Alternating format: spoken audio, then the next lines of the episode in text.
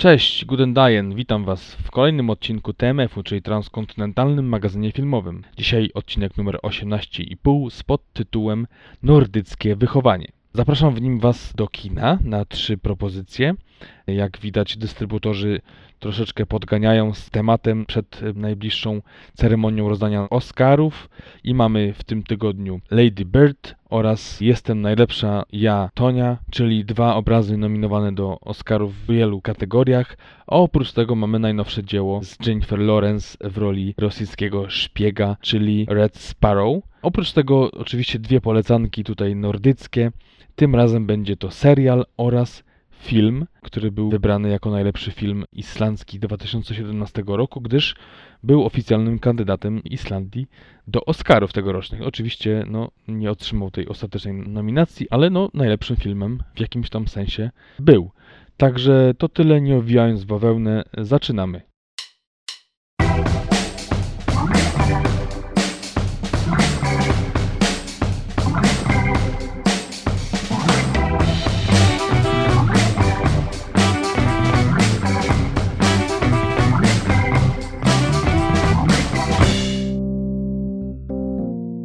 No witajcie kochani, witajcie po krótkiej przerwie, która nam się przytrafiła. Bez bicia powiem, że mi też no jest to solowy odcinek, y, który miał wyjść w zeszłym tygodniu. No ale z takich, a nie innych y, względów nie będę się tutaj rozdrabniał. Y, nie udało się tego nagrać, więc jestem teraz z wami. No, ci, którzy są dzisiaj pierwszy raz, to, to tego nie odczują. Ci, którzy słuchają nas w miarę regularnie, pewnie y, wiedzą, że ta przerwa była. Słabo była zapowiedziana, bo napisaliśmy o tym tylko na naszym profilu facebookowym, także przepraszam, jeżeli ktoś się niecierpliwił i uważał, że nie ma żadnej informacji, bo na stronie nic nie było, ale no ci, którzy gdzieś tam nas śledzą na Facebooku, zapewne wiedzieli. Gdyż no jak nie ma odcinków, to staramy się jednak tych kinomanów, którzy śledzą kolejne premiery w kolejnych tygodniach, informować na bieżąco na temat tych takich, e, można powiedzieć, najciekawszych pozycji, czy też najbardziej wyczekiwanych przez polską widownię premier kinowych. I umieszczamy posty na Facebooku y, właśnie z opisem, z trailerem filmu. I tak to było w zeszłym tygodniu i mam nadzieję, że też e, był to mały wypadek przy pracy i już w tym roku się to nie powtórzy w sensie takim, że no zakładam, że jakieś może wakacyjne przerwy będą, ale nic takiego mam nadzieję niezapowiedzianego nam już nie wyskoczy. Tak jak powiedziałem na wstępie, mam dla Was dzisiaj dwie propozycje tutaj tutejsze, czyli nordyckie. Będzie to serial oraz film, serial duński i film islandzki, ale tak naprawdę e, jest to koprodukcja trzech krajów, ale o tym później. A serial dosyć ciekawy. Y, trafiłem bardzo przypadkiem na Netflixie i mocno się pozytywnie rozczarowałem. Nie spodziewałem się, że mnie wciągnie taki klimat i w ogóle taki temat, ale no, okazał się bardzo sympatyczny, także o tym też będzie, ale to w kolejnych sekcjach. A z takiego housekeepingu z tak zwanej prywaty. Wróciłem na Islandię. Tutaj za bardzo się nic nie zmieniło, tak jak 1 listopada spadł śnieg, tak zima tak naprawdę trzyma do dziś. Troszeczkę teraz odpuszcza, ale też wiadomo góry ośnieżone. Dalej ten klimat się czuje i od tego też jest jakiś lekki chłód. Do tego jak zwykle wieje, więc y, no jest jak jest. No to są uroki Islandii i na to się nic nie poradzi. Chociaż ostatni weekend plus 8, z tego co wiem, w Polsce, w moim rodzimym Gdańsku było nawet minus 11 w niedzielę, więc różnica dość spora. Mm, muszę dokończyć może taką myśl, którą gdzieś tam zacząłem w ostatnim odcinku z Darkiem, gdzie mówiłem o tej nie Skandynawii, czyli o tym, że Islandia nie jest w Skandynawii, co po przekazaniu tej informacji tubylcom i to dość nawet takim, można powiedzieć, starszym, po 60 nawet, okazało się, że to jest e, dość duży szok dla nich. Nie wiem, czy to są problemy z e, edukacją, czy tak bardzo się gdzieś tam łączą z, z tą Skandynawią, ale fakt faktem jest to kraj nordycki, ale no do Skandynawii to jest kilka tysięcy kilometrów, gdyż Skandynawia to jest po prostu półwysep skandynawski, do którego należy Szwecja i Norwegia i no Dania, a Finlandia nawet nie jest częścią Skandynawii, więc taka tutaj troszkę zagwozdka, trochę szok informacyjny powstał i no troszeczkę to było śmieszne, ale no tak to jest. Y, zacząłem też zwracać uwagę ostatnio na gazety tutejsze i zawsze jak gdzieś porównują Islandię do innych krajów, właśnie Szwecji czy też Norwegii, no to piszą, że to jest podobieństwo tak jak w innych krajach nordyckich, także trzymają się tej nomenklatury poprawnej i nikt tutaj nie udaje, że jest Skandynawią. No a mówię, wśród miejscowych to nie jest taka wiedza, że tak powiem, oczywista. Ostatnio też dorwałem taką właśnie gazetę, która wychodzi co dwa tygodnie. No jest to taka darmowa gazeta po angielsku, gdzie jakby Islandczycy rozprawiają się ze swoimi problemami. Troszeczkę to tak wygląda, jakby była to gdzieś tam wewnętrzna dyskusja samych Islandczyków, ale no z racji tego, że jest po angielsku, to no wiadomo, że są świadomi tego, że czytają to obcokrajowcy. Dość sporo takich informacji jest, że tak powiem, negatywnych, sporo takich uwag względem no też Europy, świata, ale też y, gdzieś tam miałem pretensje czasami w różnych informacjach do siebie. Ostatnio było dużo właśnie o, o problemie otyłości tutaj w kraju, który no, sięga 22%, co nie jest jakimś przecież dramatem w skali świata, ale tutaj no, gdzieś tam to urasta do rangi problemu, gdyż jest to więcej niż w Danii. Dania, w którą są zapatrzeni, zresztą tak jak w inne kraje nordyckie, przede wszystkim właśnie Norwegia i, i Dania to są te kraje, gdzie jak tak słucham, to jest to jakiś wyznacznik dla Islandczyków. Też jest taki dział w tej gazecie, czego brakuje na Islandii i tak jak w jednym z numerów tej gazety wyczytałem, że brakuje takiego serwisu jakiegoś fast foodowego wieczornego na telefon. Tak teraz przeczytałem, że brakuje tutaj parków rozrywki i że to jest między innymi jedną z przyczyn, e, dlaczego Islandia jest jednym z głównych importerów antydepresantów w skali świata. Także tak jak mówię, no dość tak e, mało optymistyczna e, jest ta strona taka publicystyczna, gdzie opowiadają i mówią o polityce, o bolączkach czy takich sprawach codziennych. No wiadomo, oprócz jakichś działów muzycznych czy imprezowych, to już takie sprawy codzienne mocno tak wydaje mi się zbyt negatywnie do tego. Kiedyś był też problem reklamy sklepu odzieżowego, który na głównym rynku w Reykjaviku postawił wielką kilkunastometrową torbę na wzór takich toreb papierowych, gdzie pakuje się właśnie ciuchy. I tam była reklama po angielsku zamiast po islandzku, też to był wielki problem tutaj, bo też walczą o tą czystość języka, walczą o przetrwanie tego islandzkiego.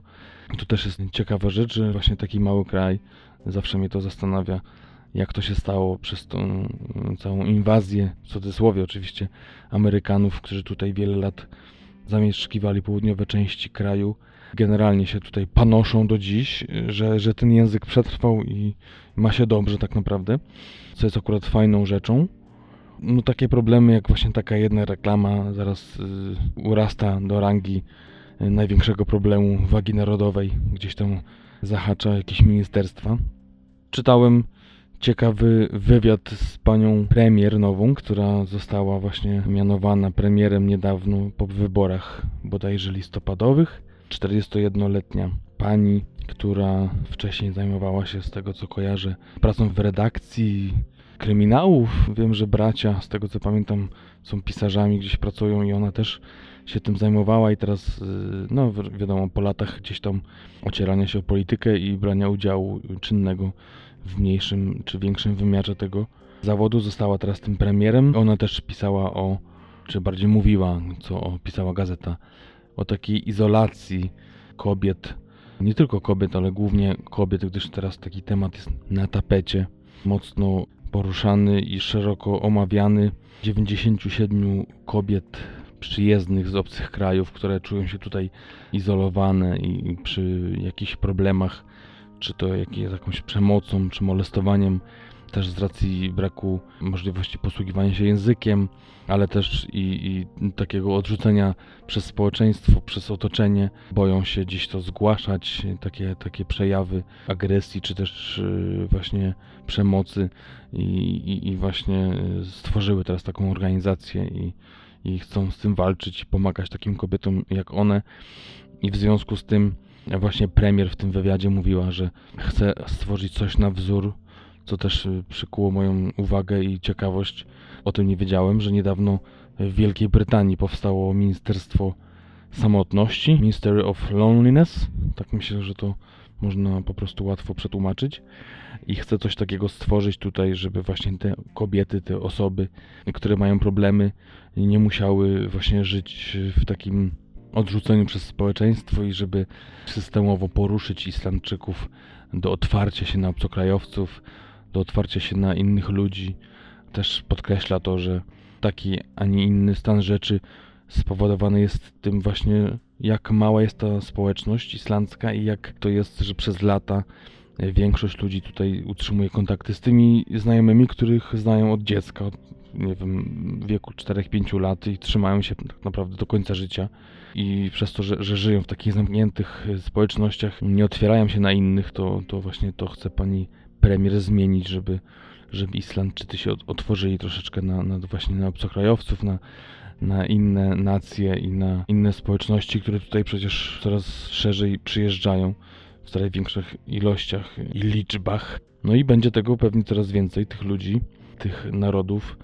Jak tutaj obserwuję, sporo jest oczywiście Polaków, to jest największa mniejszość narodowa, ale też Węgrzy, Rumuni, Litwini, Słowacy. Takie narodowości tutaj spotykam, chociaż mieszkam w małej miejscowości, ale, ale naprawdę tych narodowości jest sporo.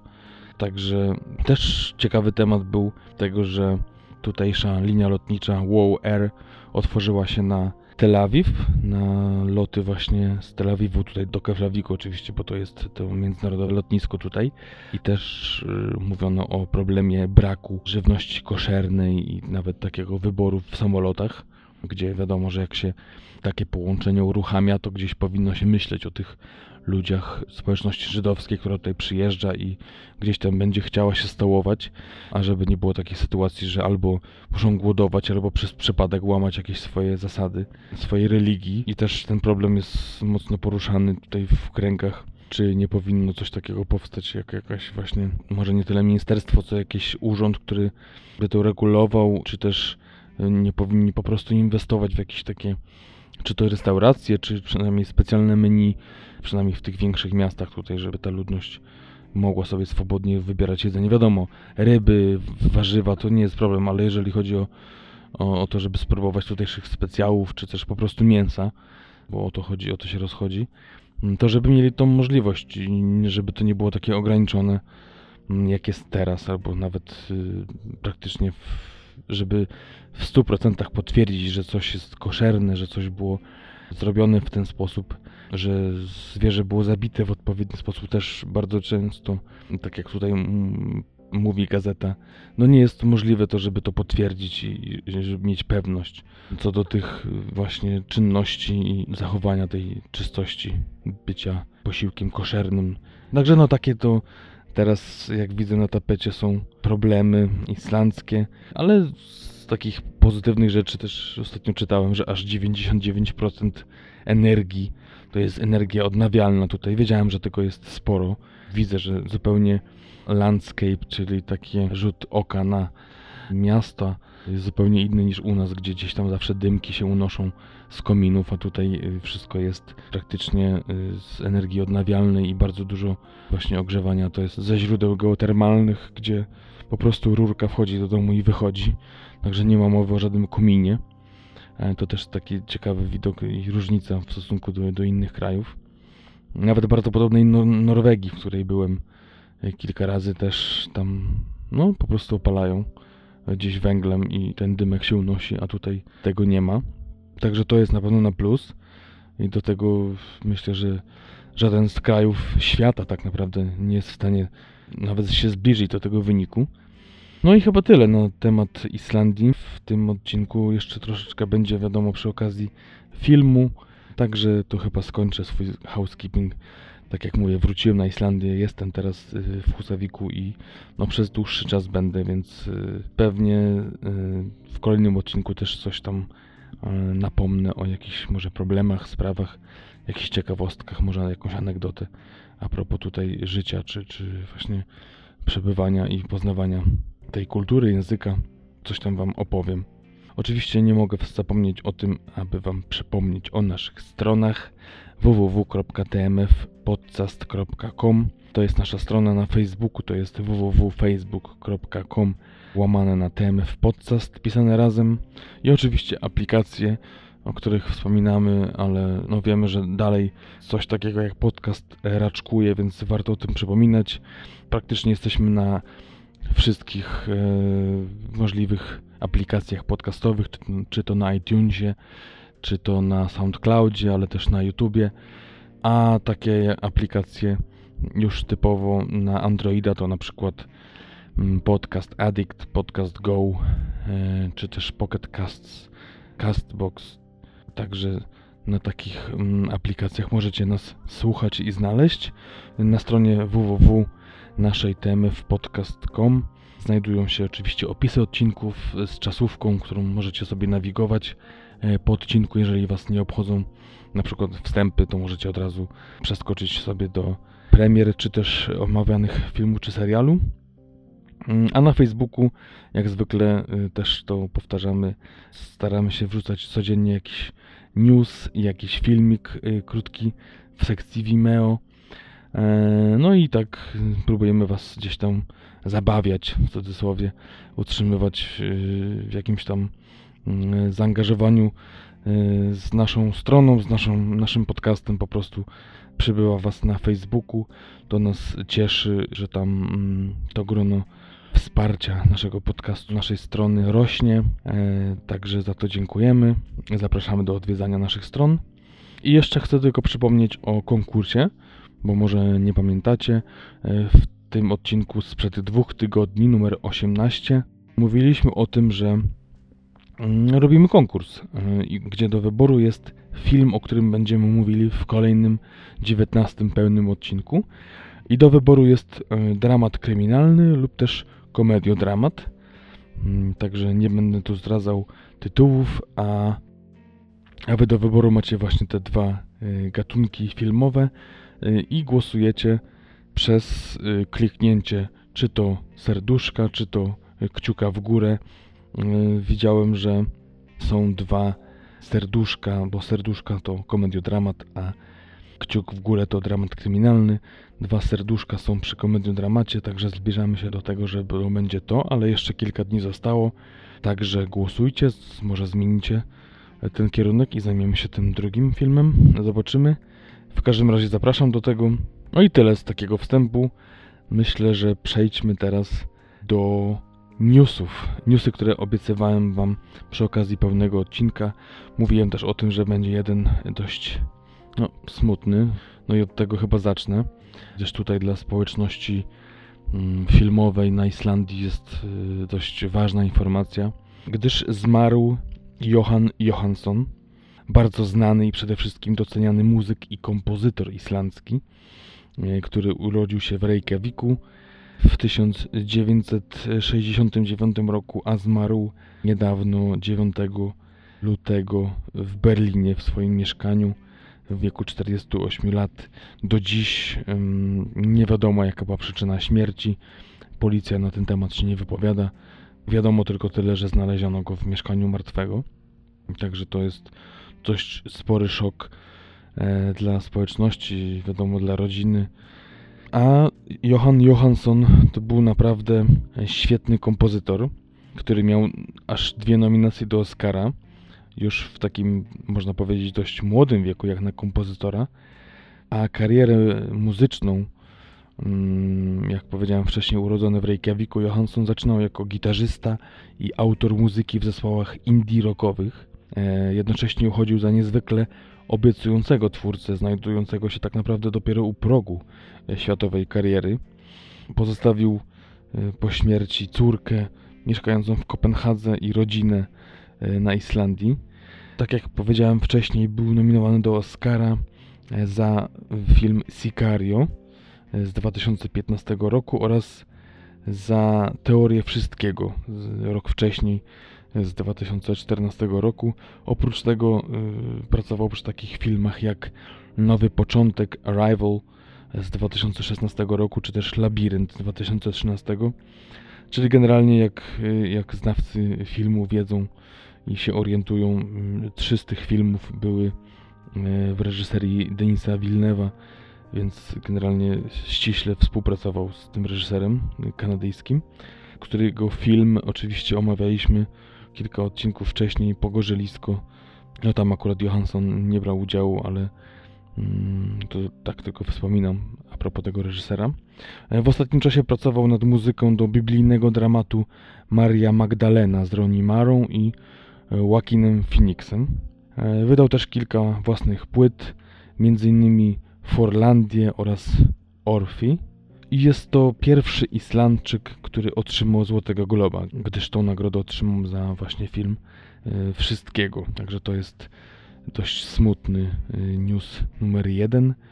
E, news numer dwa e, jest to informacja o tym, że firma e, Aviron zajmie się produkcją filmu Serenity z Matthew McConaugheyem i Anne Hathaway.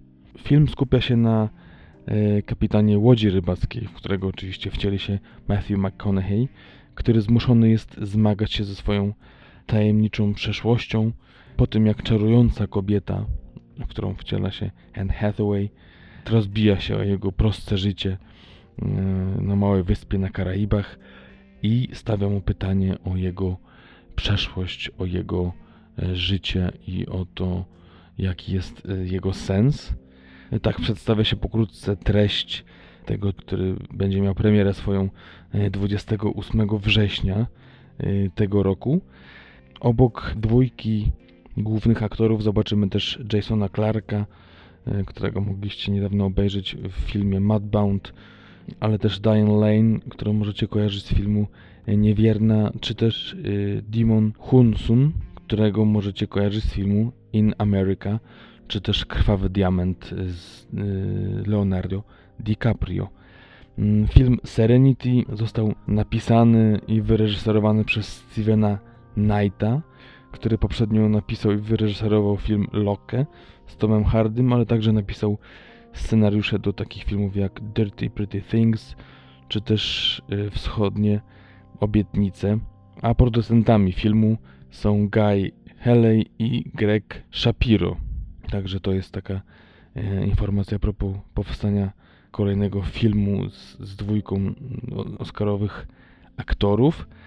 A kolejni oscarowi aktorzy Morgan Freeman i Forrest Whitaker rozmawiają o tym, aby dołączyć do Johna Travolty w thrillerze akcji The Poison Rose.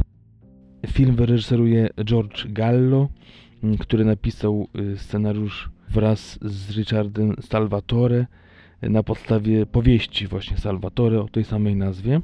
Sam Salvatore będzie również producentem filmu wraz z Jeffem Elliotem, Oscarem Generale oraz Davidem Ornstonem. Mm, jeżeli chodzi o sprawy finansowe, za to będzie odpowiedzialny Bondit Media Capital oraz Sherborne Media Capital.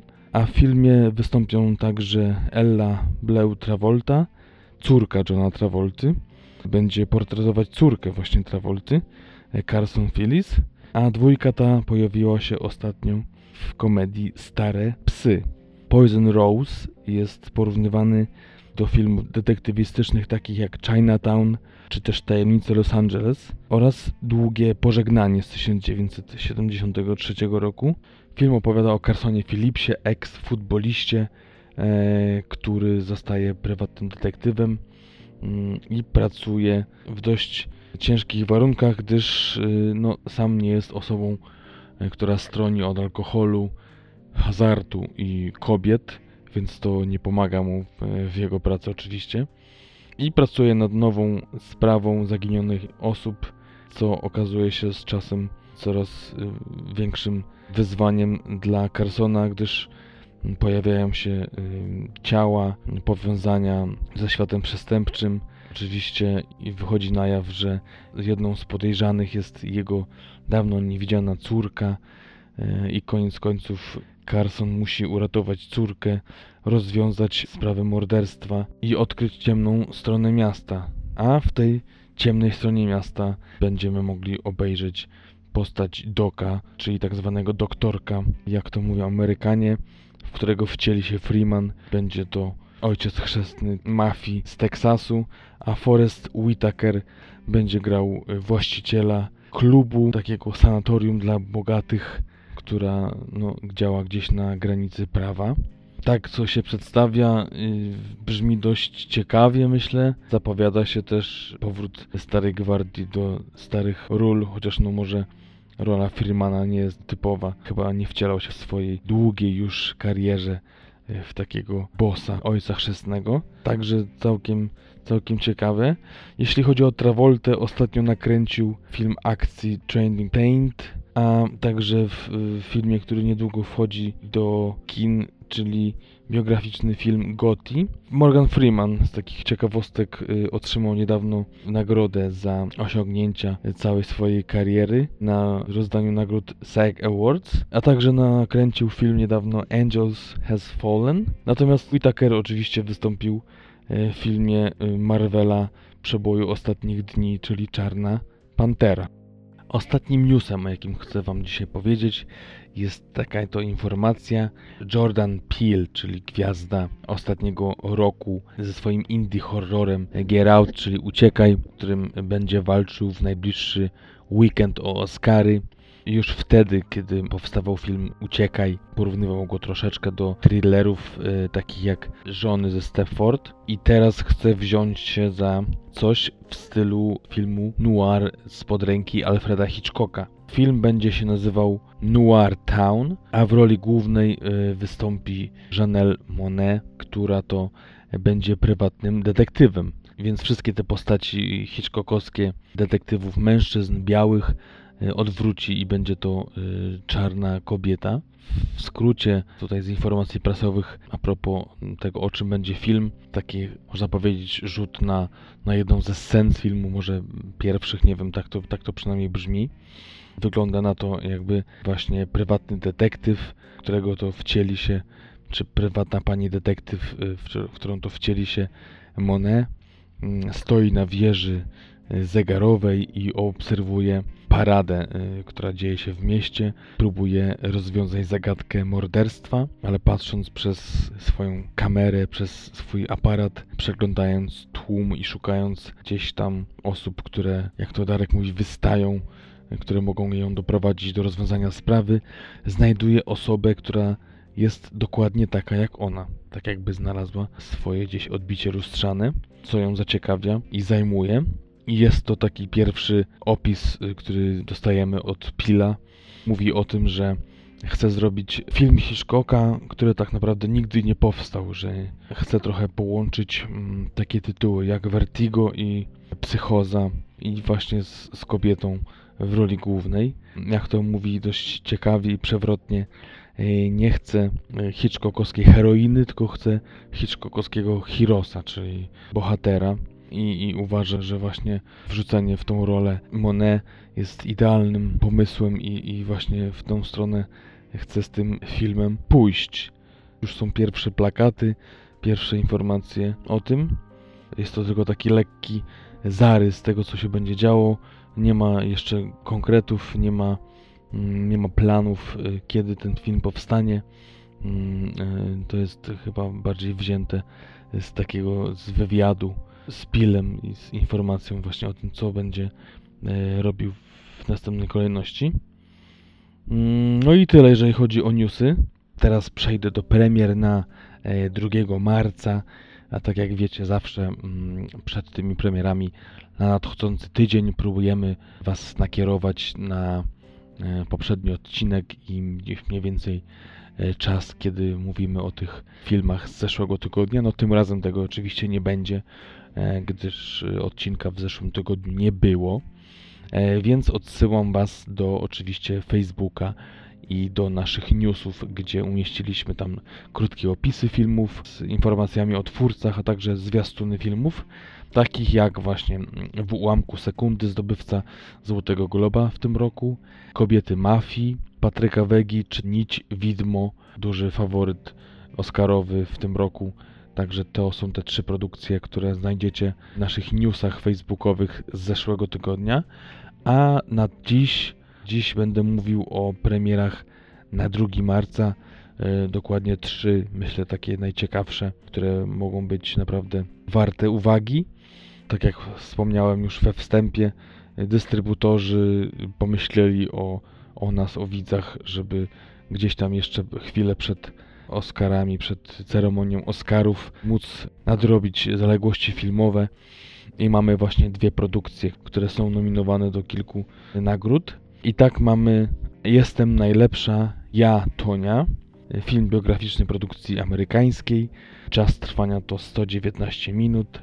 Premiera tego filmu światowa to był 8 wrzesień zeszłego roku, a w Polsce jest właśnie teraz. Jest to film, który opowiada oczywiście o Tonie Harding, łyżwiarce figurowej, która y, zasłynęła z tego, że w 1994 roku przy pomocy swojego męża zaszkodziła, można powiedzieć, swojej największej rywalce w drodze na olimpiadę Nancy Kerrigan, która była taką odwrotnością Harding, która gdzieś tam nigdy nie mogła się wpasować w to środowisko łyżwiarstwa figurowego amerykańskiego, a Nancy Kerrigan była takim przykładem idealnej zawodniczki, Y, zawsze dobrze ubranej, dobrze zachowującej się, czyli tak jak mówię, przeciwieństwo Tony Herding.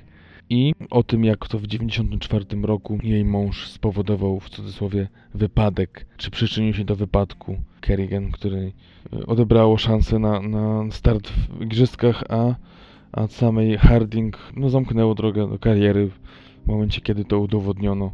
Y, to był koniec jej planów olimpijskich i no tak naprawdę załamanie e, kariery i gdzieś tam otarcie się o no po prostu konflikt z prawem. Reżyserem tego filmu jest Craig Gillespie, mm, którego możecie kojarzyć z takich filmów jak Postrach Nocy z 2011 roku z Colinem Farrellem, czy też Czas Próby z 2016 z Casey Affleckiem, ale przede wszystkim z komedii Miłość Larsa z 2007 roku z Ryanem Goslingiem. E, scenariusz to Steven Rogers, którego możecie kojarzyć z filmów Mamuśka i Ulotna Nadzieja. No, oczywiście nie kojarzyć jako aktora, tylko z tego, iż stworzył scenariusze do tych filmów właśnie z tego samego roku. A w rolach głównych, no właśnie nominowana do Oscara za tą rolę ponoć wybitną i najlepszą w karierze Margot Robbie, australijska gwiazda eksportowa, najgorętsza chyba w ostatnim czasie, którą możecie kojarzyć z takich filmów jak Legion Samobójców z 2016 roku, Focus z Willem Smithem z 2015, czy też Wilk z Wall Street z 2013 roku, gdzie zagrała u boku Leonardo DiCaprio, a także Sebastian Stan, znany głównie jako Winter Soldier z filmów o Kapitanie Ameryka z 2011, 2015, ale i też 2016 roku. No i oczywiście Alison Janney, która zgarnia tak naprawdę wszystkie nagrody w tym sezonie festiwalowym za tą właśnie rolę, czyli rolę matki Tony Harding, a samą Alison możecie kojarzyć z serialu komediowego Mamuśki, z filmu Służące z 2011 roku, e, z filmu Godziny z 2002, czy też Juno z 2000 2007 roku.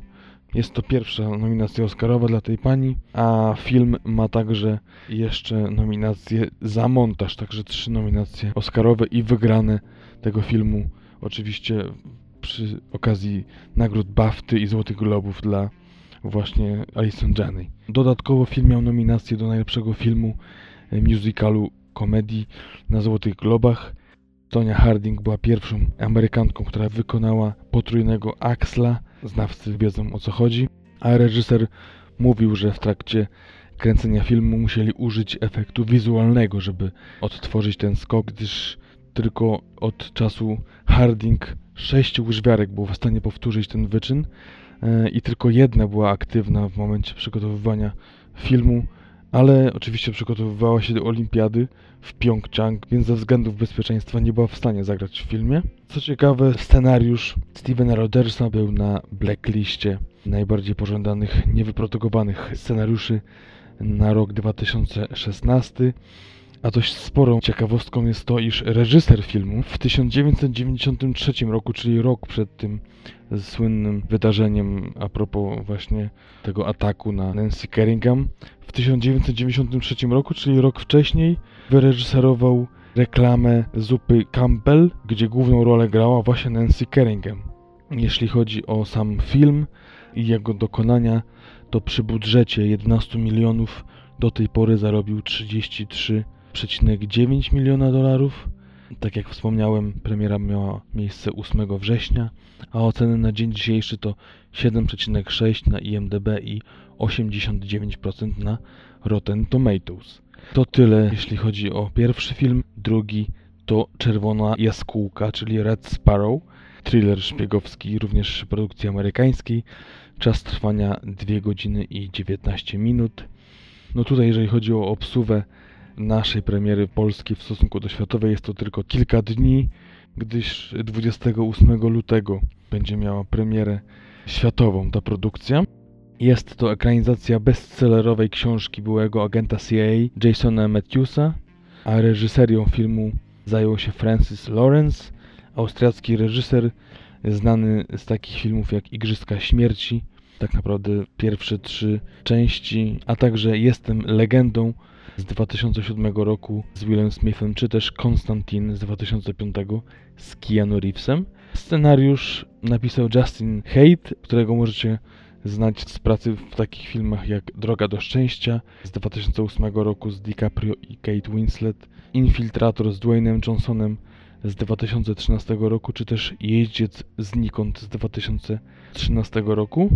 W rolach głównych oczywiście Jennifer Lawrence, jedna z największych obecnie chyba gwiazd Hollywood, zdobywczyni Oscara za rolę w filmie Poradnik Pozytywnego Myślenia z 2013 roku, ale także trzy inne nominacje. Co ciekawe, w tym roku jest nominowana do Złotej Maliny za zeszłoroczny, mocno kontrowersyjny film Darena Aronowskiego, czyli Mother, a także możecie ją kojarzyć z serii filmów X-Men, gdzie wciela się w postać Raven Mystic i w tym roku będzie właśnie kolejna e, część pod tytułem X-Men Dark Phoenix. Obok niej wystąpi Joel Edgerton, który niedawno e, grał razem z Willem Smithem w filmie wyprodukowanym przez Netflixa, czyli Bright, ale również w filmie Dar z 2015 roku, czy też Wojownik z 2011, gdzie zagrał obok Toma Hardiego.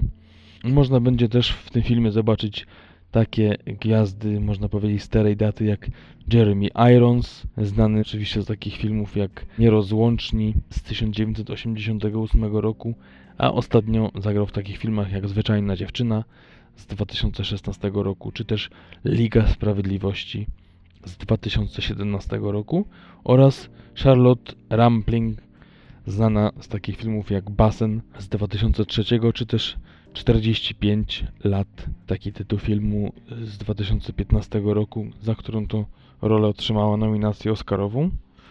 Film opowiada o młodej Rosjance, która wbrew swojej woli odbywa szkolenie, podczas którego uczy się uwodzić szpiegów. Niebawem zostaje wysłana do Finlandii, gdzie musi wydobyć tajne informacje od amerykańskiego wywiadowcy. W tą oczywiście rolę wciela się Jennifer Lawrence, a z ciekawostek nie wiem, czy to potwierdzone, czy nie, ale wyczytałem, że podczas kręcenia filmu w barze w Budapeszcie Jennifer Lawrence wdała się w jakąś bójkę. Nie wiem, czy to y, myślę, że gdzieś wieczorem po, po kręceniu filmu takie zdarzenie miało miejsce. A z takich historycznych informacji a propos tego filmu, to myślę, że jest ciekawe, że w 2013 roku miano powierzyć reżyserię Daranowi Aronowskiemu, Potem w 2014 Aronowski odrzucił ten projekt. Y, w tym samym roku powierzono go Davidowi Fincherowi oraz w głównej roli miała zagrać Rooney Mara, ale oczywiście to też upadło i w 2015 w lipcu przejął to Francis Lawrence, a tego samego roku we wrześniu przedstawiono jako główną aktorkę właśnie Jennifer Lawrence. Jak wspominała Jennifer Lawrence, w przygotowaniach do filmu musiała się uczyć raz rosyjskiego akcentu, a dwa tańca w balecie przez 4 miesiące, 3 godziny dziennie. Wspominała, że było to dla niej bardzo ciężkie, gdyż nigdy w życiu, jako nawet mała dziewczynka, nie chciała, nienawidziła w ogóle baletu, więc z dużą trudnością przechodziło jej te lekcje. I to tyle, jeżeli chodzi o tą premierę, a ostatnia na dzisiaj polecanka premierowa w naszych kinach na 2 marca to Lady Bird z 2017 roku. Też film amerykański, komediodramat z budżetem 10 milionów dolarów, a zarobionymi już 48. Premiera tego filmu miała miejsce 1 września 2017 roku. Czas trwania to godzina i 39 minut. Greta Gerwig, dla której jest to debiut solowy. Wcześniej w 2008 roku współtworzyła film Noce i Weekendy, a bardziej znana jest jako aktorka. Wystąpiła w takich filmach jak Frances H. z 2012 roku, Mistress America z 2015, czy też z jednego z moich ulubionych filmów z 2016 roku, czyli 20th Century Woman. A tutaj od razu przy okazji debiutu i przy scenariuszu i reżyserii dostała dwie nominacje do Oscara właśnie za te dwie role przy tym filmie. Ogólnie film ma y, pięć nominacji, oprócz tego co wspomniałem, za film roku, za aktorkę pierwszoplanową oraz drugoplanową, a przy okazji rozdań nagród Złotych Globów film wygrał w kategorii musical komedia, a także aktorka y, musical komedia, która to oczywiście y, trafiła do rąk Sesiu Ronan. Jest to amerykańska aktorka, ale irlandzkiego pochodzenia, 23-letnia, a mająca już na koncie trzy nominacje do Oscara. Oprócz tego w tym roku, również e, w 2007 roku za film Pokuta, czy też Brooklyn e, z 2015 roku. Obok niej można zobaczyć również Lori Metcalf, która wciela się w rolę matki głównej bohaterki. Rola wybitna, a dość bardzo mało znana aktorka. Mm, najbardziej znane jej produkcje to serial Roseanne, gdzie występowała 1988 do 1997 roku, e, a także e, film Wujaszek Buck z 1989, czy też Krzyk 2 z 1997, także dość e, dawno już pierwsza sława przyszła.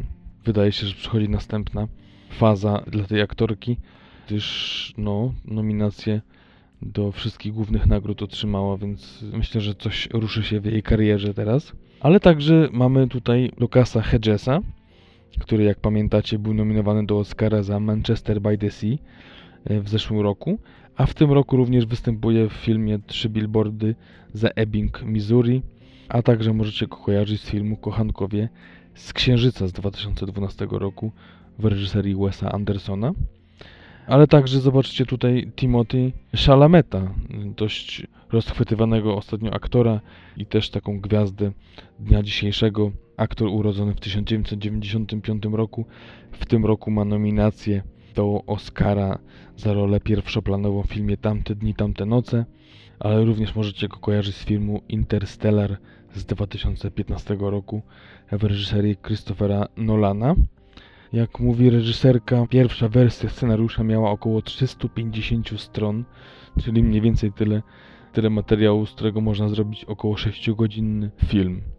O czym jest film? Za bardzo tutaj nie ma zbyt dużej historii, jest to po prostu rok z życia zbuntowanej y, dziewczyny, która uczy się w katolickim liceum w Sacramento w Kalifornii. Główna bohaterka ma 17 lat. Jeśli chodzi o ocenę filmu, to w pewnym momencie była to najlepiej oceniana produkcja na Rotten Tomatoes przy 200 kilkudziesięciu mm, recenzjach miało wynik 100%. Na ten moment to jest 99% pozytywnych recenzji, więc również świetny wynik na tym bardziej na 282 recenzje. A na imdb.com jest to 7,7. Tytuł roboczy filmu to E, matki i córki. No, tak jak wiemy, nie ostał się, e, zostało Lady Bird, a zdjęcia do filmu realizowano w Sacramento, w południowej Pasadenie w Kalifornii oraz w stanie e, Nowy Jork. I to tyle, jeżeli chodzi o premiery na ten najbliższy weekend, dokładnie na piątek 2 marca 2018 roku. A teraz już przechodzimy do głównego dania głównych dań, dwóch, można powiedzieć, yy, danie główne i zupę, czy danie z mięsem i zupę, nie wiem jak to sobie tam poukładacie, jak wyglądają wasze posiłki. W każdym razie taka zupa dla mnie to będzie e, serial o którym Wam teraz opowiem, pod tytułem Rita. Jest to serial duński, którego początek sięga 2012 e, roku, a teraz jest dostępny, nie wiem od kiedy, ale teraz jest dostępny na Netflixie. Rita to jest taki dramatyczno-komediowy, bardziej chyba komediowy serial duński, który jest tworzony od roku 2012 z lekkimi przerwami, gdyż no, do dzisiaj powstały 4 e, sezony, 32 odcinki. Jest to serial, którego twórcą jest Christian Torp, duński twórca telewizyjny. Ostatnio, właśnie w zeszłym roku, przeszedł na stronę amerykańską i stworzył serial Mgła oczywiście na podstawie Stephena Kinga, filmu i książki pod tym samym tytułem, ale także serial sam z 2016 roku już serialem jest skandynawskim. Jest to, można powiedzieć, duński komediodramat o niezależnej i elokwentnej nauczycielce, ale i też mocno szczerej, o imieniu Rita, która jest uwielbiana przez swoich uczniów, ale już z dorosłymi radzi sobie nieco gorzej. Scena w jednym z odcinków, gdzie, gdzie właśnie tytułowa Rita rozmawia z taką uczennicą, z którą ma problemy i która jest z kolei nielubiana przez uczniów e, i mówi do tej uczennicy Rita, mm, dlaczego ty się zachowujesz jak 40-latka i, i nie lubią cię e, właśnie równolatkowie. Na co ona odpowiada z równą szczerością i bezczelnością, a dlaczego ty zachowujesz się jak 16-latka i nie lubią cię dorośli. I tak to mniej więcej wygląda. E, świetnie czuje się Rita przy nastolatkach, przy, przy dzieciach, a, a, a właśnie e, bardzo mocno, można nawet chyba powiedzieć patologiczne ma zachowanie, jeżeli chodzi o, o życie dorosłe, ma, ma rodzinę, wychowuje trójkę dzieci samotnie, bez męża, który gdzieś tam ich y, pozostawił, mieszka w domu, y, który stoi nieopodal szkoły. Tak naprawdę zostało jej jedno dziecko, syn, a drugi syn i córka już są dorośli, wyprowadzili się z domu, ale no na czas, można powiedzieć, y, serialu znowu gdzieś tam się przewalają i pomieszkują też u matki ponownie, gdzieś tam się łączą i z tego wychodzą takie, a nie inne historie y, ciekawe i, i, i śmieszne. Jeśli chodzi dalej o wykonawców, to w tytułową postać y, Rity wciela się Millie Diensen, znana z serialu Nynę z 2006 roku, czy też filmu Simon i Malu z 2009, a także filmu pod tytułem Nynę z 2005, na podstawie którego potem zrobiono e, serial.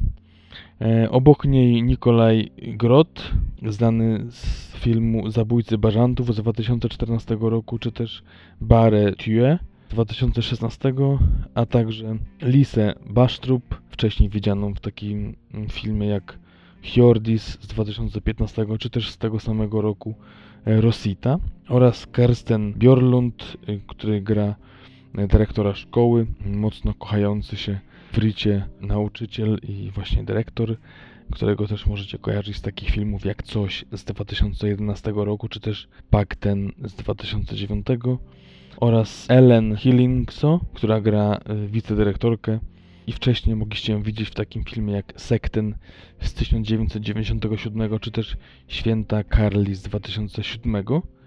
To tyle jeśli chodzi o, o takie kwestie techniczne. Myślę, że też warto dodać, że pierwszy sezon miał aż 855 tysięcy widzów średnio na odcinek, a w 2016 roku magazyn L z Anglii mm, nazwał ten serial najlepszym show Netflixa, o którym nikt nie mówi. Także myślę, że to mocno się sprawdza i dużo w tym racji, gdyż serial jest naprawdę świetny, daje dużo radości, daje dużo satysfakcji i takiej, takiej pozytywnej energii, myślę, na co dzień. Ja obejrzałem dopiero pierwszy sezon, także trzy przede mną, bardzo się cieszę. Wiadomo, no czasu za bardzo nie ma, ale jak tylko będę mógł, to, to, to nadrobię i wszystko, wszystko obejrzę, bo, bo jest taka szansa, że będą kolejne sezony. E, a po pierwszym sezonie mogę powiedzieć, że naprawdę jest świetny, porusza naprawdę bardzo ważne tematy, jest mocno bezpośredni i tak naprawdę chyba mogę polecić go wszystkim, którzy gdzieś tam mają dosyć tej amerykańskiej ścieżki, nawet tych komedii, które tak naprawdę jedna powiela drugą, y, jest coraz mniej takich produkcji oryginalnych, a to jest zupełnie, zupełnie co innego, zupełnie nowy taki powiew, tak samo jak Nobel e, gdzieś tam zupełnie inaczej pokazywał y, tą wojnę Iraku, Afganistanie, którą zawsze do znudzenia prezentują Amerykanie w swoich kolejnych filmach, w swoich kolejnych serialach i on zupełnie dawał nowe, nowe takie spojrzenia na ten, na ten temat, to tutaj taki świeży powiew właśnie skandynawski, nordycki, tutejszego humoru, takiego, takiej otwartości, tej nadziei, i, ale też i właśnie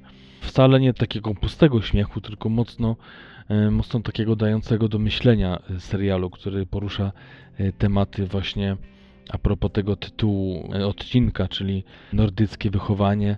Pokazuje tutaj, jak ta młodzież jest tutaj wychowywana, jak to wygląda, jakie jest nastawienie rodziców, jak te problemy, które te dzieci mają, gdzieś tam wskazują na to, co się dzieje w domach, jakie jest gdzieś tam też zaściankowość niektórych rodziców. No generalnie można powiedzieć, że te problemy mocno nie różnią się od tych naszych, ale jednak z racji tego klimatu i z racji tego, że to jednak jest północ, to, to troszeczkę to się różni. E, też jest taka postać e, bardzo śmieszna, takiej młodej, dość takiej w cudzysłowie powiem przy sobie mm, nauczycielki, która mocno jest zafascynowana gdzieś tam kulturą wikingów, y, właśnie tą nordycką historią Islandii. Dużo mówi o, o jakichś tam legendach islandzkich. To też bardzo jest rozbrajające, tym bardziej w jakichś tam momentach napięcia, czy, czy jakichś trudnych sytuacji, gdzie, gdzie ona to rozładowuje swoją taką troszeczkę naiwnością, trochę takim młodzieńczym humorem, ale gdzieś tam też szczerością i gdzieś tam cytuję czasami jakieś pieśni właśnie nordyckie, nawet właśnie te islandzkie, czy, czy gdzieś tam w jednej sytuacji, kiedy Rita wstawia się właśnie za nią przy okazji jakiegoś konfliktu, mówi, że w islandzkich y, legendach zawsze był bohater, który miał swojego barda, który mu śpiewał i ona by chciała być takim bardem tej Rity. Także bardzo wesoła postać i wprowadzająca dużo humoru i ciepła jest właśnie ta postać tej młodej nauczycielki ale samo to, jak pokazane jest życie właśnie takiej y, samotnej kobiety, która musiała sama wychowywać dzieci, e, jednak pozostając sobą i mocno pokazująca to, jak no właśnie to jest takie przewrotne, jaki duży nacisk y, w tym wychowaniu kładła na to, żeby dzieci y, robiły to, co chciały, żeby zawsze ich wybór był najważniejszy. Też jest taka ciekawa na samym początku dyskusja a propos tego najmłodszego syna, który tak naprawdę no, i matka się domyśla i starsze rodzeństwo, że, że chłopak jest, jest gejem, a on jakby gdzieś tam tego nie potrafi jeszcze odkryć, a oni go jakby nawet zachęcają do tego, żeby się odkrył, żeby w końcu żył pełnią życia i gdzieś tam cieszył się tą swoją seksualnością i odkrywaniem tego bez, bez gdzieś tam potrzeby ukrywania tych, tych swoich uczuć. I tak to właśnie pokazuje to, to wychowanie tej Rity, to jak ona została też wychowana, gdyż przez pewien czas też widzimy matkę, która też zostawiła ją, więc y, naprawdę mm, jest kobieta po takich mocnych przejściach, ale utrzymuje pogodę ducha i, i gdzieś tam siły do, do pracy, do życia, co na pewno daje jej dużo właśnie ta szkoła, ale też i wdawanie się w kolejne romanse, y, dość takie, można powiedzieć, bardzo, bardzo, ale to niesamowicie nieroztropne podejście do życia romanse gdzieś z rodzicami uczniów, takie niezobowiązujące, w ogóle nieprzemyślane, także bardzo fajna jest taka postać tej nauczycielki jako raz taki role model, jak to się mówi, czyli postać nauczycielki, którą każdy uwielbia, gdzieś tam się na niej wzoruje, ale jednocześnie pokazanie tej strony takiej prywatnej, gdzie, gdzie to wszystko jest tak naprawdę jeden wielki burdel w, i w jej głowie, i w uczuciach, i w tym domu, w, gdzieś tam mm, wychowanie dzieci, yy, z którymi musiała sobie poradzić sama, ale yy, też nie do końca to jest takie oczywiście mm, jednoznacznie dobre, e, bo też te dzieci przez to takie wychowanie luźne, to, to, to gdzieś tam też nie potrafią się dostosować do, do społeczeństwa, które jest jednak tam ułożone w jakichś ramach i, i też mocno, mocno to też wpływa to, jak zostali wychowani na, na ich relacje z innymi. I cała to właśnie otoczka e, tego serialu jest mocno właśnie troszeczkę no nie wiem, no ja nie mam tej, tej takiej perspektywy takiego, takiej pogody jak, jak tutaj w Danii, bo mm, w tym serialu, bo jest mocno słoneczna e, ta pogoda. Nie wiem, tak jakby cały czas to się działo gdzieś latem, wszystkich w krótkich rękawkach. Y, no, troszeczkę takie odbiega od takiego typowego, typowej wizji krajów nordyckich, skandynawskich. Ale co ciekawe, to też się łączy z, z filmem drogim, o którym Wam za chwilę opowiem też troszkę. E, bo tam podobnie właśnie mocno jest takie nie, nie nordyckie e, podejście do tematu, nie nordyckie kolory i, i, właśnie takie przedstawienie tego świata. Także za dużo nie będę mówił, po prostu zachęcam do spróbowania. Jest na Netflixie, więc nie trudno to znaleźć. Jeżeli nie tam, to gdzieś tam na jakichś innych może platformach znajdziecie. E, serial Rita, tak jak mówię, 32 odcinki, 4 sezony. Mm, naprawdę warto rozweselić sobie dzień takim niezobowiązującym serialem. Wiadomo, jest tam jakaś um, historia, która się dzieje. Nie jest to taki sitcom, gdzie, gdzie, gdzie tam każdy odcinek jest, jest inny. Ta historia się toczy, ale naprawdę myślę, że na tyle pogodnie i na tyle wciągająco luźno, bo to nie jest taki serial, który gdzieś tam przymusza, ale po prostu z radości jego oglądania, z radości cieszenia się tym, tym takim specyficznym humorem, e, z specyficznym podejściem do tematu wychowania zachęca po prostu do tego, żeby sięgnąć po kolejny odcinek. E, także to jest to, jeżeli chodzi o serial y, Rita. Mam nadzieję, że Was zachęciłem, że gdzieś tam sięgniecie, chociaż spróbujecie pierwszy, drugi odcinek, e, jak to wygląda. I to, to tyle, jeśli chodzi o serial, a jeszcze kilka zdań na temat filmu. Mm. Film Under the Tree, czyli w cieniu drzewa, to film islandzki, ale tak naprawdę jest to koprodukcja duńsko-polsko-islandzka.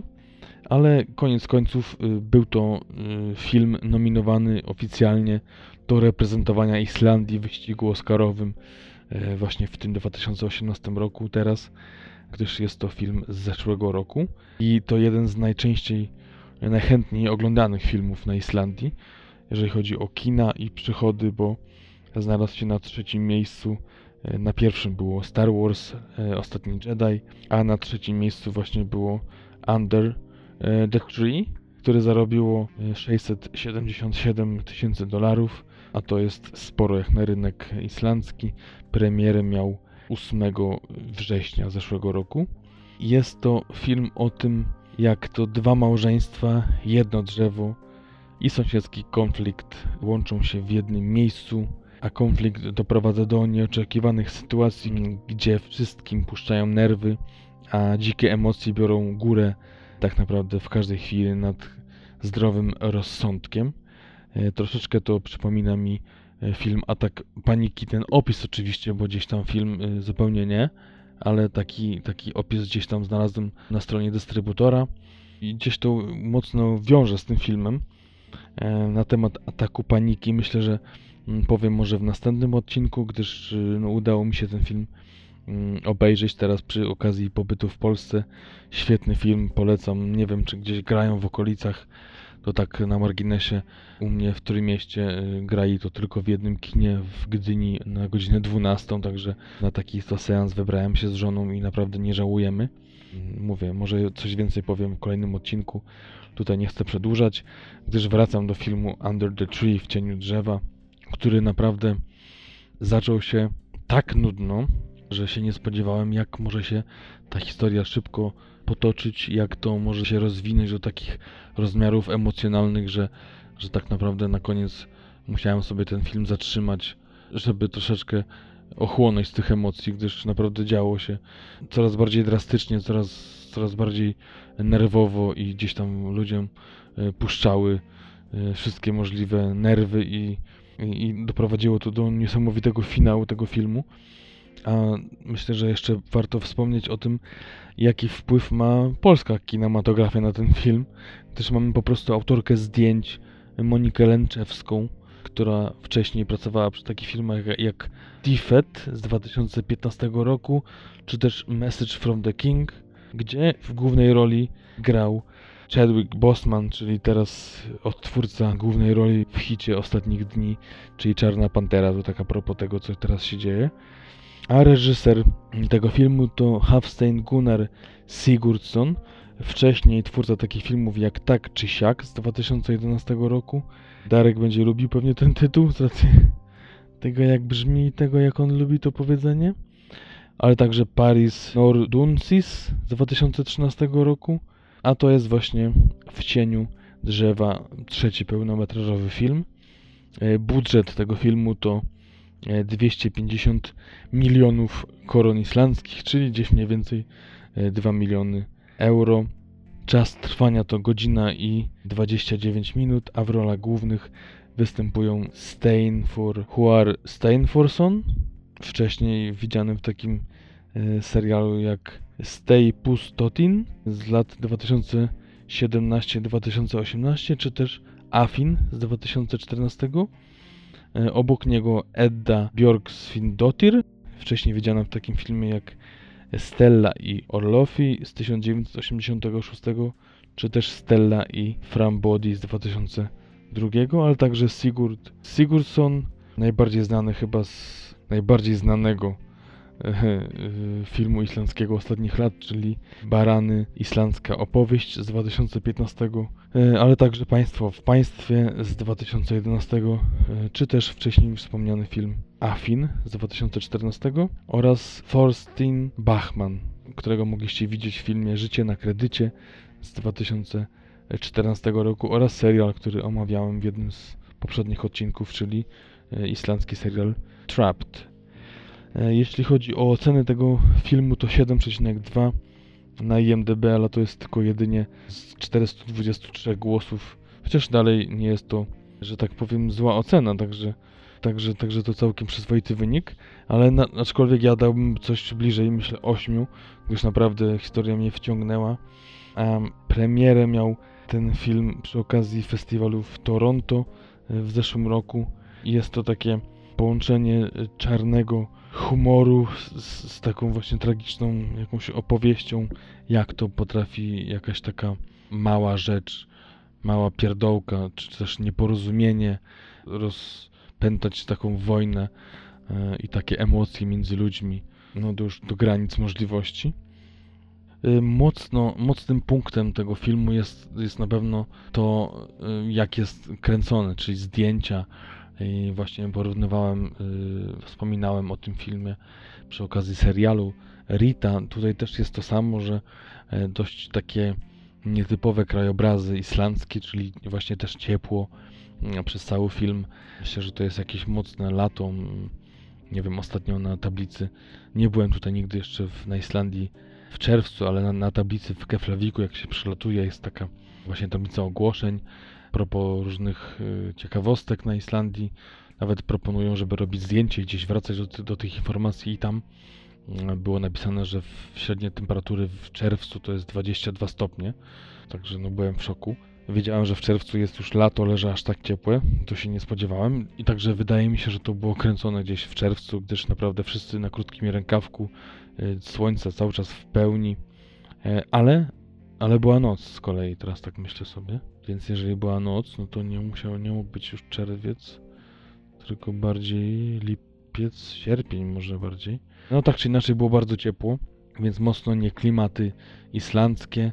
Tak naprawdę tak się przynajmniej wydaje, że mogłoby to się zdarzyć gdzie indziej i nie było to jakiegoś takiego efektu, że oglądamy coś mocno islandzkiego, aczkolwiek no może jeden motyw, gdyż oprócz tego samego konfliktu dwóch takich starszych małżeństw, które właśnie mieszkają obok siebie, bo może coś powiem o, samej fabule, dwie rodziny mieszkające obok siebie, jedna w ogrodzie ma y, wielkie drzewo jabłoń, które to rzuca cień na, na ogród sąsiadów, gdzie sąsiadka lubi się opalać, ale przez to, że to drzewo właśnie w takim, a nie innym miejscu jest, to musi co chwilę się przesuwać i bardzo to ją denerwuje i to jest jakby zalążek i to jest początek tego całego konfliktu, który tak mocno urasta na końcu do takiej wielkiej tragedii. I oprócz tego właśnie, że, że jest ta cała historia tych dwóch małżeństw, to, to jest też y, taka poboczna historia syna jednego właśnie z tych małżeństw, który przechodzi kryzys też właśnie y, swój rodzinny w trakcie rozstania z żoną przez też no myślę, że no przynajmniej z mojej perspektywy dość, dość błahy powód, który nie powinien być w ogóle brany pod uwagę. No wiadomo, że mógłby to być jakiś tam no, kryzys małżeński, ale na pewno nie sytuacja, gdzie tak państwo zaraz reaguje i odcina tak naprawdę ojca od, od spotkań z dzieckiem, które to w ogóle. No właśnie to mnie, to mnie przerażało, że, że, że dziecko straciło kontakt z ojcem nagle przez jakieś widzimy się e, matki, która po prostu uznała, że, że ojciec nagle nie może się z dzieckiem widywać i, i ma zakaz. Także myślę, że to byłaby taka rzecz, Gdzieś tam się w to jeszcze nie wgryzłem a propos Islandii, ale, ale może takie mocne pójście na, na, na rękę i na stronę matki państwa y, przy takim konflikcie z ojcem, to może to jest czymś takim, co, co, co gdzieś może pokazywać, że to jest może Islandia. Nie wiem, może to jest y, specjalnie było pokazane, żeby uwypuklić, jak ten system tutaj działa. No ale to jest, mówię, taki wątek mocno poboczny. Główny to jednak to jest te drzewo, które gdzieś tam przeszkadza. No i tak to się dzieje, że, że najpierw jest ten konflikt o drzewo, nagle e, jednej rodzinie znika, znika kot, potem w drugiej pies, no i to wszystko tak narasta, że powiedziałem o tych dwóch rzeczach, e, może pół słowa za dużo, aczkolwiek no to wszystko trzeba też zobaczyć, jak to się rozwija, jakie są dialogi, jak ta akcja gdzieś tam postępuje. E, świetnie to się szybko rozwija. Film nie jest za długi, a naprawdę e, gdzieś ta historia jest świetnie ułożona w takich ramach, gdzie wszystko postępuje jedno po drugim. Ani to nie jest za długie, ani nie jest za krótkie. Mocno angażuje widza i naprawdę porywa i na końcu no, dramatycznie gdzieś tam wstrząsa tym, jak się taka sytuacja może kończyć. Też świetne są wybory muzyczne, tak jak mówię, zdjęcia genialne, które gdzieś tam mocno nakreślają tą historię i podkreślają ten tragiczny wymiar, ale jednocześnie momentami prześmieszny.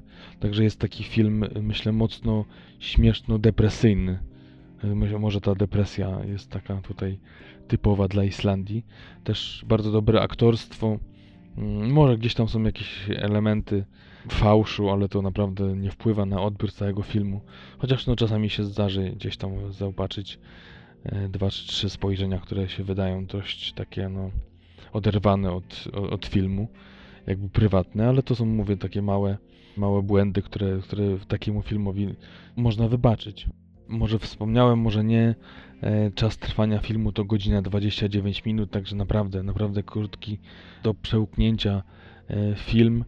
Mm, a mocno mi ten film przypominał taką produkcję Wojna Państwa Rose, nie wiem czy kojarzycie, e, z 1989 roku z Kathleen Turner i z Michaelem Douglasem, gdzie, gdzie gdzieś tam to małżeństwo było na na granicy rozstania i, i można powiedzieć, że próbowali się zabić z różnymi możliwymi sposobami. Tutaj może aż tak nie jest, ale ten klimat taki jest mocno, mocno właśnie w tą stronę.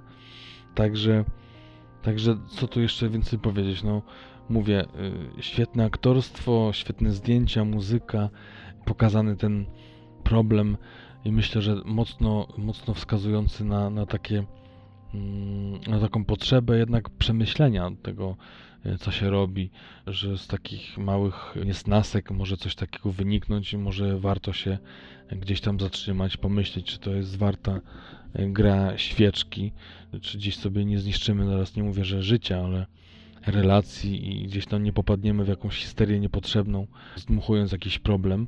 No i też warto pomyśleć dwa albo trzy razy, zanim się coś zrobi. Myślę, że to są takie takie ciekawe wnioski, może, może nie mocno oryginalne, ale takie, które gdzieś tam do głowy wchodzą po, po projekcji tego filmu.